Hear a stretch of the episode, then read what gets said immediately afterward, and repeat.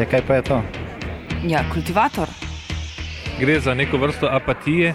To lahko reče samo kreten, noben drug. Socialni invalid in ga je ne mogoče urejati. Drugi kandidat. Pa, pa pije, kadi, masturbira, vse kako hoče lahko počne. Nihče tega ne ve. Vsak petek v OF programu skultiviramo dogodek tedna. Lahko po kriterijih radio študent, težko pa po evropskih kriterijih. Ampak na drug način, kot vi to mislite. Kultivator vedno užge. Da pač nekdo sploh omenja probleme, ki so, in da pravzaprav sploh nekdo sproži dogajanje uh, v družbi. To drži, drži.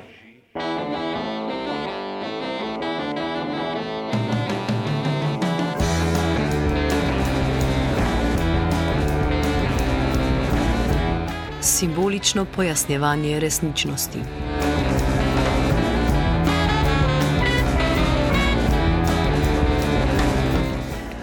Res, da je včerajšnja aretacija Radka Mladiča dogodek tedna, ki odmeva predvsem na Balkanu. A v preteklih dneh se je na mednarodnem prizorišču prav tako zgodilo nekaj, kar si zasluži pozornost. Množični mediji širom sveta so o tem sicer na široko poročali, a kot vedno na to temo praviloma zgolj površno, kar povzroča izkrivljeno razumevanje realnosti strani javnosti. Govorimo namreč o pogovorih ameriškega predsednika Baracka Obame in izraelskega premijeja Benjamina Netanjahuja. Oba sta imela po dva govora in oba po enega pred delegati proizraelskega lobija in v Združenih državah, APEC, ameriško-izraelskega odbora za javne zadeve. Obama je v prvem govoru na ameriškem zunanjem ministrstvu konec prejšnjega tedna med drugim izpostavil ameriško stališče, da morajo biti izhodišče za mir med Izraelom in palestinci meje iz leta 1967, kar je v Izraelu in med njegovimi neomajnimi podporniki sprožilo jezne odzive. Poslušajmo ta del govora. The United States believes that negotiations should result in two states with permanent Palestinian borders with Israel, Jordan, and Egypt, and permanent Israeli borders with Palestine. We believe the borders of Israel and Palestine should be based on the 1967 lines with mutually agreed swaps so that secure and recognized borders are established for both states. Izrael je 5. junija 1967 napadel Egipt, Sirijo in Jordanijo in v šestih dneh zmagoslavno štirikratno povečal svoj teritorij. Od takrat tako okupira Zahodni breg in Gazo, v katerih živi skoraj 4 milijone palestincev, na milijone pa jih je razseljenih po regiji in svetu. Gaza je obkoljena tako z morja kot skopnega. Izrael pa je od zmage Hamasa na demokratičnih volitvah leta 2006 uvedel blokado na uvoz in izvoz dobrin iz Gaze, ki popolnoma onemogoča vsaj minimalno življensko raven. Na Zahodnem bregu je Izrael obral drugačno taktiko. Tam nadaljuje z gradnjo in mednarodno pravnega vidika nelegalnega bojda varnostnega zidu ki naj bi potekal po meji med Zahodnim bregom in Izraelom, a se trasa prilagaja tako da se oduzame čim več palestinske zemlje in izverov vode. Prav tako se intenzivno gradijo enako nezakonite judovske naselbine z namenom razdrobiti Zahodni breg na majhne palestinske enklave in tako onemogočiti vzpostavitev povezane palestinske države z naselbinami, pa se spreminja tudi demografska slika območja. Tako živi na Zahodnem bregu, torej zunaj Izraela, že okoli pol milijona judov. Vseh diskriminatornih ukrepov, ki jih izvaja Izrael v Zahodnem bregu, na tem mestu ni moč našteti. Za ilustracijo izpostavimo le recimo gradnjo mreže ograjenih cest, namenjenih zgolj vozilom z izraelskimi tablicami. Izrael tako načrtno ustraja pri sedanji politiki in zavrača vrnitev na meje izpred junijske vojne leta 1967. To je jasno povedal tudi izraelski premijer Benjamin Netanjahu o svojem govoru ameriškemu kongresu. In any real peace agreement, in any peace agreement that ends the conflict, some settlements will end up beyond Israel's borders. Now, the precise delineation of those borders must be negotiated. We'll be generous about the size of the future Palestinian state. But as President Obama said, the border will be different than the one that existed on June 4th, 1967. Israel will not return to the indefensible boundaries of 1967.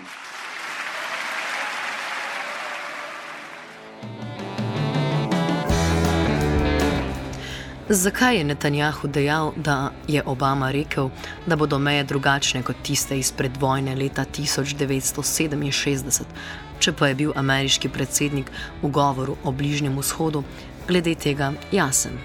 Obama je namreč kmalo po svojem prvem govoru nastopil tudi pred tisoči delegatov APEC-a in pričakovano spremenil svoje poglede o mejah. And it was my reference to the 1967 lines with mutually agreed swaps that received the lion's share of the attention, including just now. And since my position has been misrepre- misrepresented several times, let me reaffirm what 1967 lines with mutually agreed swaps means. By definition, it means that the parties themselves, Israelis and Palestinians, will negotiate a border that is different than the one that existed on June 4, 1967 that's what mutually agreed upon swaps means. It is a well known formula to all who have worked on this issue for a generation. It allows the parties themselves to account for the changes that have taken place over the last 44 years.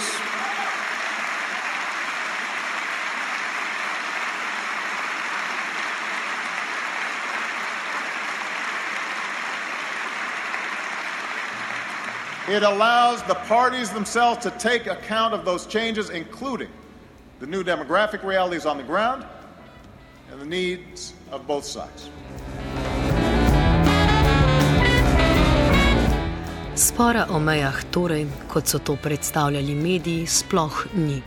Obama je na prefinjen, a jasen način sporočil tudi, da Izraela nihče ne more prisiliti v kompromis. Now, ultimately, it is up to the Israelis and Palestinians to take action. No peace can be imposed upon them, not by the United States, not by anybody else. Obe strani naj se torej dogovorita sami. To stališče ima velik pomen. Izraelu namreč omogoča, da nadaljuje z ilegalno gradnjo judovskih naselbin v Zahodnem bregu in gradnjo zidu, saj ga nihče ne more prisiliti v prenehanje, še posebej ne palestinci. Ti so se tako odločili za sprožitev tega vprašanja na diplomatskem polju in bodo septembra pozvali članice Generalne skupščine Združenih narodov naj priznajo palestinsko državo v mejah iz leta 1967 a Obama zavrača tudi ta povsem miroljubni način boja za pravice palestincev. Še več, to označuje kar za delegitimizacijo Izraela. For the Palestinians, efforts to delegitimize Israel will end in failure. Symbolic actions to isolate Israel at the United Nations in September won't create an independent state. Palestinian leaders will not achieve peace or prosperity if Hamas insists on a path of terror and rejection. And Palestinians will never realize their independence by denying the right of Israel to exist. And we will stand against attempts to single it out for criticism in international forums.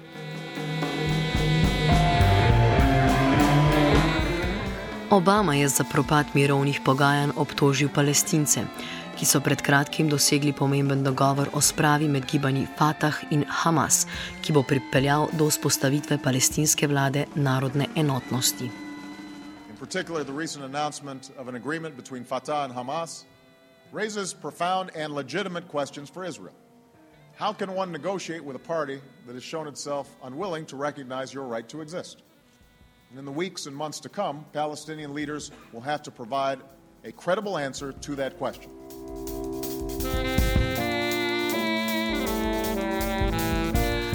Dejstva, da izraelska politika ne priznava palestinske države, Obama seveda ni omenil.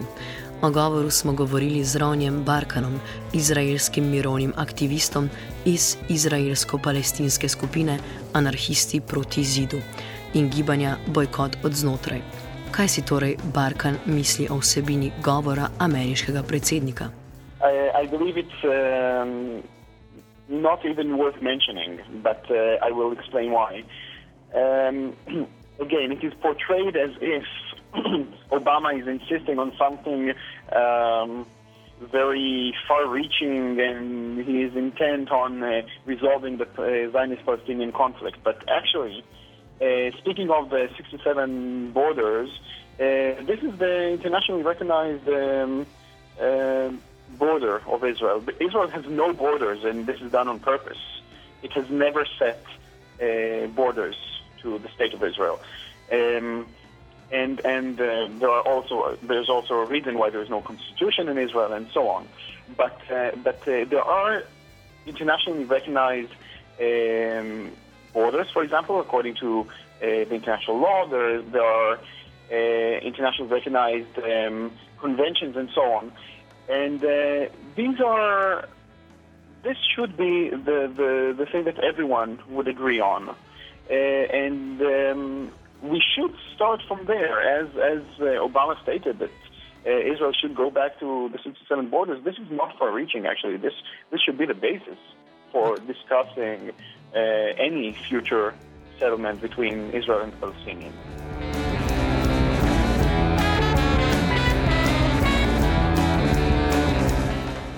Od ključnih točk Obamovega govora so bile meje in, kot, kot se je Obama izrazil, vzajemno dogovorjena menjava ozemlja.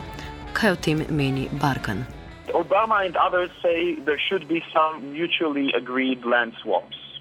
Some people inside Israel would like these land swaps to also have people inside them because they would like to to to get Palestinian citizens of Israel uh, into the future Palestinian state and away from the Jewish state. But let's put that aside. Let's say we're just talking about mutually agreed land swaps. It is possible that uh, during negotiations, the Palestinians uh, uh, would receive an offer from the Israelis uh, for mutually agreed for, for, for land swaps, and they would say, "Okay, this is a good idea. We are we are willing to go along with that." But they have the right just as much to say no. We are not willing to have uh, the West Bank, which is anyway a very small territory, dissected and uh, cut away, cut through by these uh, blocks of Israeli settlements that Israel wants to maintain. They have the right to say no. We do not agree to that. And this should not be a precondition and can never be a precondition to uh, negotiations uh, between the Palestinians and the Israelis.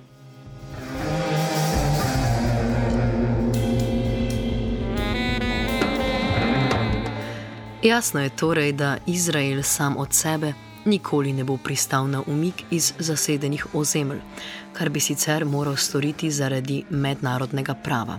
Govorili smo z Gremom Bannermanom iz Ameriškega inštituta za Bližnji vzhod in ga vprašali, ali Netanjahu sploh želi doseči mir. His conditions are so strident and so excessively demanding on the Palestinians that real peace cannot come from them. So, therefore, the rhetoric he can say, I want peace, but the actions he's proposing cannot lead there. That's the problem for the Israelis. Do you think that the final peace solution can be reached by bilateral negotiations exclusively between Israelis and the Palestinians? Or should somebody from the outside force them, when I say them, I mean Israel, into uh, some compromises and if we elaborate on that, how do you view the boycott, divestment, and sanctions movement that is growing? The only, the only country at this point that seems to be, have the ability to influence Israeli action is the United States. That doesn't mean that in the future boycotts and other actions will not have an impact upon Israel. They are very concerned by what they call international efforts to delegitimize the state of Israel they view the boycotts, they view the all of the other international actions as part of a delegitimization process. Um, does it have an influence? it has an influence at this point, but it's so long as the United States gives its support to Israel the way it does, they can withstand those pressures.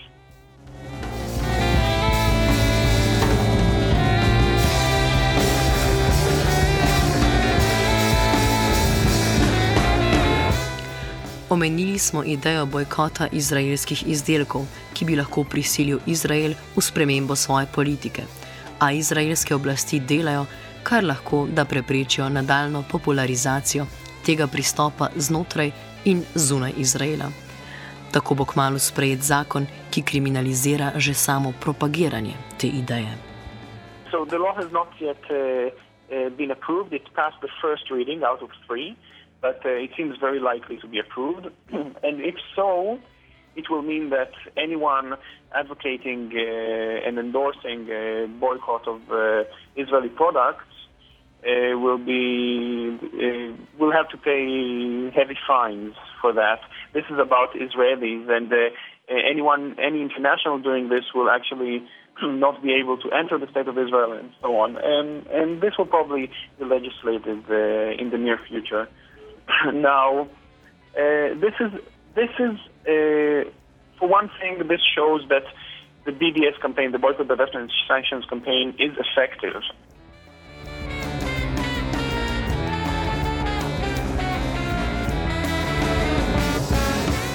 A izraelska represija je usmerjena tudi v revizijo zgodovine. Tako je prepovedano omenjanje genocida palestincev oziroma nagbe iz leta 1948, ko je bil Izrael ustanovljen. Avstrajanje Izraela v zasedenih ozemljih in osvajanje novega je zaradi večjega naravnega prirastka palestincev za Izrael dvorezen meč. Bannerman z Inštituta za bližnji vzhod vidi v tem ironijo.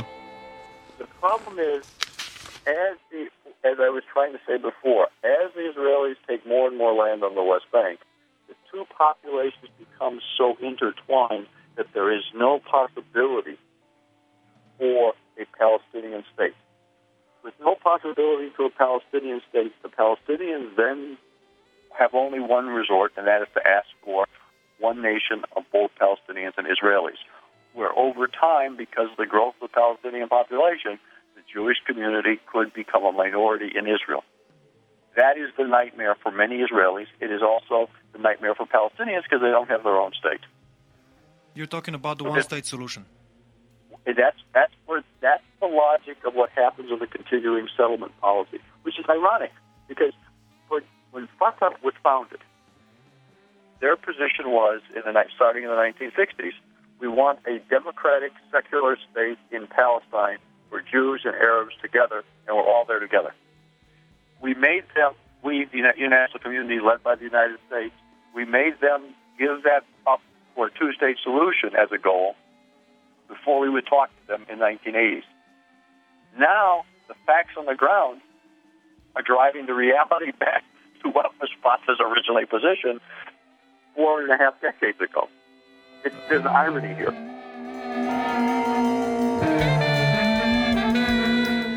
Palestincem, kot je dejal Benderman, tako ne ostane drugega, kot da v generalni skupščini dosežejo priznanje Palestine. Kot smo rekli, Združene države to ostro zavračajo. Z Milanom Brglezom, strokovnjakom za mednarodno pravo z Fakultete za družbene vede, pa smo govorili o glasu Slovenije na glasovanju. Brglez meni, da bi morala Slovenija Palestince podpreti. Vprašali pa smo ga, kaj bi pozitiven rezultat glasovanja konkretno pomenil. Konkretno mislim, da samo po sebi ne bi nič prineslo, dokler seveda tudi druga stran eh, in to je Izrael ne sklene nekega dogovora, ki bi omogočal tej, tej državi normalno funkcioniranje. Uh, tako da gre bolj za simbolno pomoč oziroma za simbolno priznanje nečesa. Uh, je pa to vseeno pomembna zadeva, ki recimo spostavi večjo legitimnost uh, obstoječih ali pa tistih, ki bodo takrat palestinskih oblasti.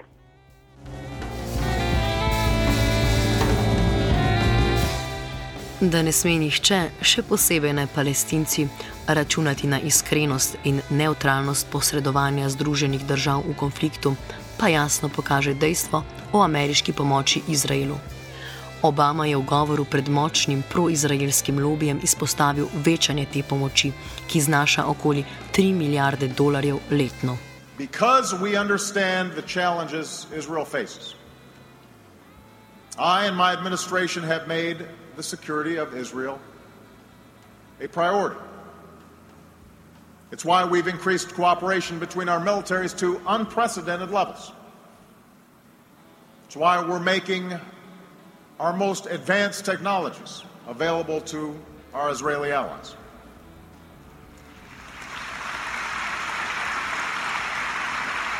It's why, despite tough fiscal times, we've increased foreign military financing to record levels.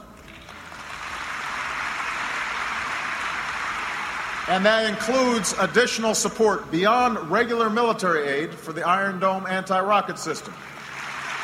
A powerful example of American Israeli cooperation.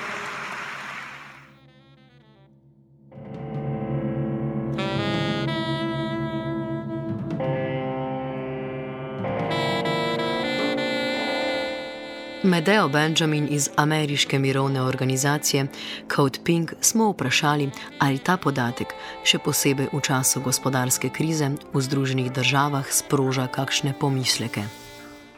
Think that it should. It doesn't seem to. And we in our organization are trying to make this an issue, but it is very surprising to us given the economic crisis in the United States, where every city and every state is cutting much needed programs from the budget, that we would continue to give money to a wealthy country like Israel that is using it for human rights abuses, and that none of our politicians, well, actually, maybe a handful of politicians, uh, have stood up and, and questioned this. Uh, but most of them are too afraid to say anything because they don't want to be attacked by the pro Israel lobby groups like the group APAC. They all have elections coming up and they are worried about getting campaign contributions.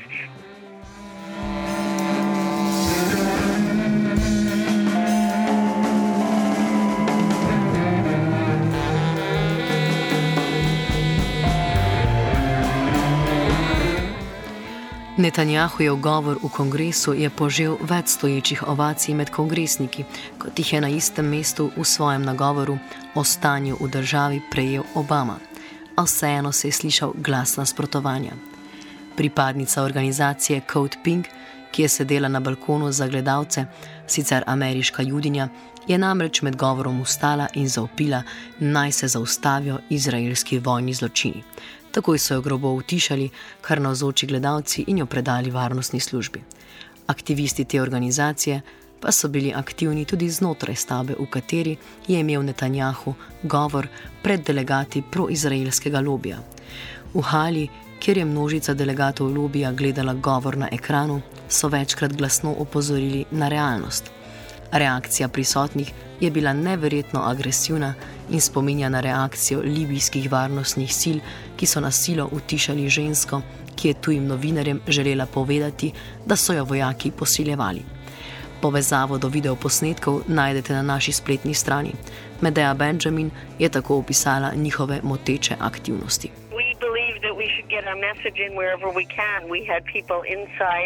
The convention of the pro Israel lobby group when uh, Netanyahu was speaking and disrupted his speech five times. We had somebody in Congress uh, when he was speaking who disrupted him. Uh, all of them got pulled out violently and arrested. One ended up in the hospital. And it's funny because this was uh, Netanyahu's response was, uh, Isn't it wonderful that we live in a democracy that you couldn't get away with this? uh, in a place like Tehran, and yet here the people were being uh, assaulted, battered, and arrested uh, for merely speaking out the truth.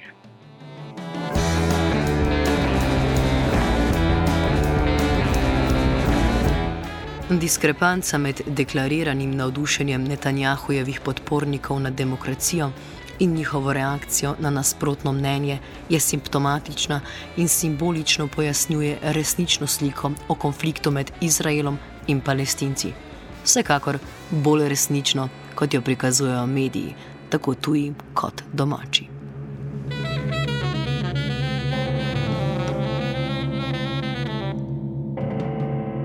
Kultiviral je Boris Vasev.